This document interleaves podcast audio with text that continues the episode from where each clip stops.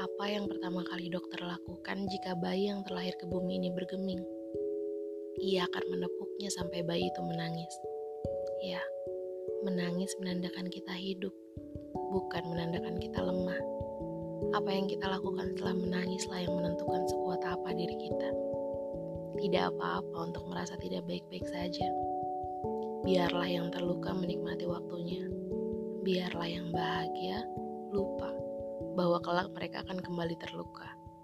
Dan di sela-sela itu semua, bersyukurlah hati kita buatan Tuhan, bukan buatan Taiwan, bisa rusak berulang kali dan bisa betul berulang kali tanpa perlu dibawa ke bengkel.